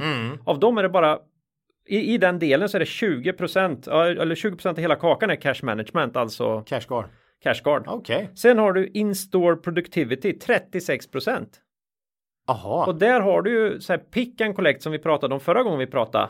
Alltså hjälp till affärerna Mm. Ja. för att personalen lätt ska kunna plocka upp sådana här matkassar och du, du har eh, Pricers Ja. eh, etiketter kommer in där också antar jag eller? Ja, ja. Ja. Mm. Allt sånt där och, och system för att liksom höja effektiviteten och sänka kostnaderna i affärerna. Det här Cube man köpte i Sverige kommer nog in där också. Ja, definitivt. Ja, så, ja. så det här är ju 36% av Ja, ja. hela affären. Ja. Och jag tror att det var det här man ville visa upp. Ja. Och det är ju det här man tror att man ska kunna växa rätt rejält Mm. framöver. De har något som heter checkout efficiency 5% e-commerce är 5% och sen övrigt då sån här retail kopplat till 6 va? Ja. Så att ja, det är, det är lite annat än det man kanske kan tro. Nu tror ju vi att Cashguard kan bli väldigt, väldigt bra eh, Ja. eftersom kontanthanteringen i världen ökar ju också. Ja, Spanien är väl en fokusmarknad Ja, också, så, så Spanien är ju en ny fokus. Man Mm. ser det som ska bli en hemmamarknad. Man gör jättemycket grejer nu. Ja. Eh, Vissa andra länder där backar man, backar man ur Mm. och skaffar egna återförsäljare istället. Precis som man själv är åt pricer och man försöker bli åt andra intressanta produkter som passar in i deras. Jag såg man har slutit några intressanta avtal i USA. Man, man, man tänker sig att själv agera på några nyckelmarknader och sen ska man gå via lite par- Agenter eller agenter, partners. Ja. Ja, ja, det är en tydlig strategi nu. så att eh, ja, Ja, vi de har caset. ökat sin transparens var de tjänar pengar, vilka marginaler de har. Mm. Och eh, det här kommer vi då kunna följa i framtida rapporter. Ja. Eh, och nya mål då. Jaha, Jag vet inte vad sa de där? det. Jo, men det var väl det som var som etteplan ungefär, va? Dubbla på fem Ja. år. Mm. De ska på fem år här då när, när de tittar hur det gick 2025 då tänker de sig att då ska det inte vara 1,1 miljard norska I i omsättning. omsättning utan 2,5 Oj. miljarder nog. Oj, oj. Och man ska ha en rörelsemarginal i nivån 13 till 15 procent ebitda på ebitda då. Mm, mm. Och idag ligger man på 9 procent. Och då IFRS har ju lyft den här. Men den IFRS-effekten är ju fullt ut 2019 så Ja. det är verkligen Ja, ja, det är jämförbart. rejält. Mm. Eh, och då behövs det en årlig omsättningsökning på nästan 15 procent per år. Man har väl snittat 10 ungefär i stor, eller 9 senaste. ja, åtta eller, sista sex åren. Åtta, okej. Ja. Mm, åtta, ja. Så det är re, rejäl upprampning här. Jag tror Det är ju att, mål. Man ska ju komma ihåg det. Det är mål. Det är inte någon prognos. det är ingen prognos. Nej, men det är Nej. mycket man Ja, ja, Mm. ja. Det, det är jätteintressant att man, om man tror verkligen på det här tror jag. Mm, mm. Eh, jag tror att de här rörelsemarginalen på ebitda-nivån kommer öka av sig självt om man lyckas nå den här, nå den här omsättningsökningen. Ja, det är väl så man har räknat antar jag. För man kommer liksom kunna utnyttja sina resurser så väldigt effektivt då. Mm, mm. Eh, ja, så att ja, vad gör vi då i det här läget Ola? Ja, jag vet ju att du har sålt idag va? Eller igår? Nej, det är tomt. Ja. Nej, eh, men eh, nu det, har du fått det är helt en... rätt värderat. Jag tror inte att de, jag vill se det här hända först. Jag tror att de kommer göra sina 8-9 procent. Ja, då, då, då ligger det rätt på 15. Ja. Det är 15 här ungefär. Nu är det på P15 Framåt. Mm. framåt. Ja, det är det jag hoppades på. Men samtidigt tycker vi, som Mm. i många andra fall, att det här är jäkligt det är ett bra bolag, Mm. eh, men vi tycker värderingen känns rimlig nu då efter den här senaste. Det har ju gått från 10 till 13 någonting, va? eller drygt 13 här. Mm. Ja, eh, på och marknaden har ju inte visat det här bolaget så här vansinnigt mycket kärlek historiskt. Nej, skulle kunna bli en sån, det, det kan ju bli P20 med. Mm. Ja, eller, ja. eller 25, det Ja, vet vi ju inte. Men, 30. men, men vi, vi, vi, nöjer, Jag, vi nöjer jag, oss jag med. tänker mig att jag ska stå vid sidan av och se de här, Mm. den här fantastiska vinsttillväxten ta fart. Börja. Ja, Så då kan man kanske säga att P, då ska det vara P och då får jag 20 göra om mina, då får jag göra om mina prognoser och då, Ja, ja. Då kan Nej. jag nog tänka mig att gå in igen. Det är mycket som har hänt i men det blir ju så i vissa rapportperioder och det har varit extra stökigt och det är ju så att man inte har känt någon vidare. Man har ju insett att den här rapportperioden skulle kunna bli jobbig med tanke på konjunkturinbromsning och och allt vad som har hänt va. Så, så att eh, nej, det har blivit väldigt mycket eh, justeringar i vår, eh, våra portföljer. Ja, Eh, så är det. ja, Och eh, ja, det är bara att jobba vidare. ja, kämpa på. Ja, Eh, Bra Claes, tack! Intressant. ja, jag, Jo, jo. jag vet inte, men eh, jag, jag tyckte att deras dragning var väldigt intressant, Ja, så jag ja. la ut den på Twitter som sagt var. Vettigt bolag.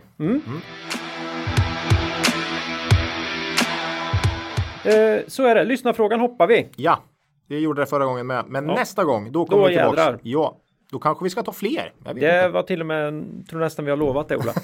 Okej. Ja. Oh, oh. Ja, nej, men det behövs nog för att komma ikapp lite. Vi har fått in en hel del bra frågor. ja, det blir inte tio bolag nästa gång, utan det blir ett par. Och för, Den vanligaste frågan är varför har ni poddavsnitt som är över en och en halv timme långa? Den, den tänkte vi svara på då i ja, ja, oerhört utdraget. Ja. Nej, den, har vi, den kommer nog efter Ja. det här avsnittet. ja.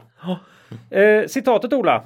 Ja, Vi fick ju input här från vår lyssnare Karin. Hon har hjälpt oss med bra citat från eh, finanskvinnor. Mm. Och då främst en finanskvinna egentligen här, eh, Jane Bryant Quinn. ja, Eh, så att eh, jag tyckte det här citatet då är särskilt bra med tanke på hur, skap, hur hårt skapliga rapporter har, har har, har eh, drabbat drabbats här. Mm, mm, eh, redan billiga bolag. Börsen straffar stenhårt. mm. Då har Jane Bryant Quinn sagt så här. It's a fact. Stock investors sometimes loses money on their way to wealth. Get over it. ja. Nej, men det, det, här, det här summerar ju mycket av det vi brukar prata om. Ja, ja. Nej, men man måste, man måste kunna ta nedgångar i portföljen eh, ibland. Annars kan man, har man inget här att göra för att du, det är omöjligt att ha rätt varje gång. Nej. Eh, så är det. Eh, och, Men samtidigt ska man ju hålla sig till sin strategi. Ja, oerhört viktigt att ha en strategi. Har du en buy and hold strategi, köp mer om du tycker det långsiktiga caset är intakt och du får det billigare. Har du en väldigt aktiv strategi, fundera innan. Vad tror du kommer bli utfallet av rapporten? Um, ska du sälja? Händer det något annat? Ja, händer det något annat? Finns det andra case som kanske är bättre på kort sikt? Ja, nej, men det gäller att hålla sig till sin strategi. Men all, alltså om man är på börsen så måste man acceptera att ibland går det ner, ibland tapp, förlorar man pengar. That's it. Det är mm. bara så. Det är, annars har du inget på börsen att göra. Då får du ta eh, en procent ränta på kollektor eller vad det heter. Nej, det kan du, får du väl ingen ränta. Det, jo då, jag tror du kan få en procent. Ja, det kan du nog ja, få. Ja, ja, nej, men, nej, men så är det va. Så att eh, det är bara att, det är bara att bita ihop ja. och kämpa på. Mm. Ja. Eh, det tackar vi för. Det, det, det, man kan säga så här också. Hade börsen gått ner här som helhet, då hade man ju känt att ja, men det är svaga rapporter. Ja, det är klart det ska ner. Men det, det jobbiga här är att det blir liksom snegunga. Många småbolag går ner 10% och börsen har gått upp som helhet då. Eh, det är ju eh, lite jobbigt. Mm. Ericsson drog ju på eh, att amerikanarna skulle köpa ut skiten och sådär. Så det har ju varit många sådana grejer. H&M ja. har ju vänt och bankerna har ju gått bra. Och, Stor, storverkstad har ju klarat sig bra trots mm. ganska så att ja, nej, så är det. det flödena går till till de stora bolagen och ESG, eh, mindre ESG-bolag då. ESG-bolag, det är det nya. Ja, ja, ja nej, men spännande grejer. Så är det. Ja, nej, nu, vi bara, vi bara accepterar det där och ja. går vidare. Ja. Och då innebär det att vi faktiskt börjar närma oss slutet för avsnittet. Mm. Så i nästa avsnitt blir det lyssnarfrågor. Ja. Förhoppningsvis ett nytt bolag Min, kanske. Ja, jag kan säga minst. Minst? Ja! Jag lovar det. Okej, okay, jag säger förhoppningsvis ett nytt bolag. okay, och, ja, eh, samt lite uppstädning från rapportperioden. Mm. Det finns väl några bolag här. Vi har varit och tafsat på några idag bland annat. VBG mig, eventuellt. Ja, kan att, komma att vi kan återkomma till dem mm. eh, om två veckor. Mm. Och, och, det är då torsdagen den 5 mars. Oj. då har jag också hunnit gratta min älskade mamma som fyller 70 här den 2 mars. Oj, oj, oj. Så det, grattis i förskott. Det blir ett stort hullabaloo va? Ja, ja. ja, ja. Oj, oj, oj. Eh, det, det, det, får vi väl se. I, i, i laggården i, i Västergötland ja. Mm. Ja, ja. Så, så får det vara. Logdans. Logdans ja. ja. Mm. Maila oss gärna på kontakt kvalitetsaktiepodden.se mm. eller kommentera på Twitter. Mm. Vi finns också på vår hemsida kvalitetsaktiepodden.se. Ja. Slutligen Dola, något riktigt makro eller TO värt att ta upp idag? Ah, herregud, nej då har jag inget att tillägga så det, det kan jag säga. Finns ingenting? Vi har ju fan pratat makro idag till och med. Så ja, att... otäckt. något riktigt makro då? Nej, nej, nej. nej, nej. nej jag, har du något? Vi tipsar om en tjänst på nätet Jaha. som säkert alla redan känner till, men som jag inte kände till för bara ett litet tag sedan. Mm -hmm. Det är Modular Finance ah. som har en tjänst som heter MFN.se, alltså Matti, Fanny, Nora Mm. Ja. Och där erbjuds eh, ja, pressmeddelanden, strömmande kommer in hela tiden från och historiska pressmeddelanden från alla noterade bolag i Norden. Snyggt. Oavsett vilken leverantör de har valt. Vi är inte sponsrade. Nej, absolut inte. Utan det, här, det, Nej, det är bara en bra tjänst. Det är bara no, något, något vi gillar. Supersmidigt i rapporttider. Mm har, gillar den jättemycket faktiskt. Ja. Och de har även ett kalendarium där lite mm. lätt. Och, så. och någon form av realtidspush va? Som, som kommer. Ja, det är snyggt. Ja, det är snyggt. Bra! Eh, så det var dem. Eh, eget ägande då? Ja, det är ju, det är ju det är mycket som har hänt. SCR och Betsson. Sen har ju jag då i min, mitt pensionsspar AQ Group i en buy and hold portfölj. Jag har Doro. Mm. Jag har eh, Bahnhof. Ja. ja, det är väl de. de där har jag också. Ja, ja precis. Och eh, även Strongpoint har jag kvar. Ja, snyggt. snyggt. Ja, ja, ja. Bra, härligt. Den starka det, punkten. Det långsiktiga caset. Ja, eh, det är intakt. Ja. Mm. Bra, Claes. Ja. Jag, så, jag kan också säga det. Jag sålde av mina BTS-aktier. Med stor sorg. Eh, ja, de är ju... Igår faktiskt, eller förrgår, på nästan 300 kronor. Inköpta för 57 kronor för ungefär fyra år sedan tror jag. Eh, Nej, de har ju också fått den här. Ja, de är uppe på molnfri höjd nu. Ja, det är de. Det är, jag tror det står P38 på Avanza eller, eller något sånt. Det har nej, kanonbolag, men nej, jag gjorde Ekelund, vilken, Ja, ah, vilket nej, jag, bolag? jag, nu, nu kan jag inte ens. Jag, jag, det är för mycket nu. Nej, Så tyvärr kom en eh, skaplig rapport, men inte jättebra. Men men den gick de ju ner på då. nej, nej, nej. nej. gick upp. Nej, de har ju fått gick den här. De är- eh, de är fina här, nu. De är fin. De, är, de tillhör A, A-laget då så att säga. Ja. Mm, ja, men det är väl härligt. Härligt. Det Bra hänt. Det var en det dem. äntligen. Ja, ja. Så, med den lilla utvikningen om BTS Ja. eh, så säger vi hej då för den här gången. Och kom ihåg att Det är först när tidvattnet drar sig tillbaka som du får se vem som badat naken. Lose money for the firm and I will be understanding. Lose a shred of reputation for the firm and I will be ruthless. I welcome your questions.